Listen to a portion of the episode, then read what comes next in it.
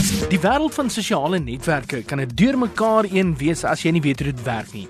Dit is propvol akronieme wat dit soos 'n vreemde taal kan laat lyk. Daar is selfs 'n paar jaar gelede 'n sakpas Afrikaanse woordeboek beplan met huidige Afrikaanse woorde en al SMS taal ewe knie. Kom ons kyk gou-gou na 'n paar voorbeelde hieruit.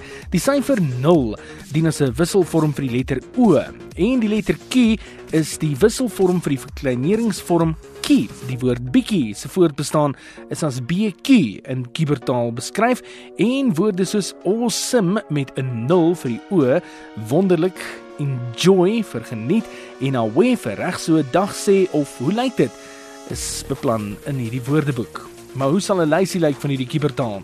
Bietjie is natuurlik BQ. Ek is is net 'n eenvoudige X.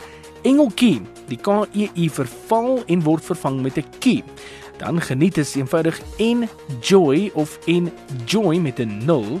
Gewees is net eenvoudig GWES. Gisteraand kan afgekort word na GTA toe. Goed met 'n OE word vervang in kibertaal met GID. Jou is eenvoudig JU. Kyk is KK. Lekker is net LEKA. Maar verloor sy laaste A en R en word eenvoudig net MA. En niks is eenvoudig NIX. Dan kry jy natuurlik vir waar die r wegval en was dit word was dit.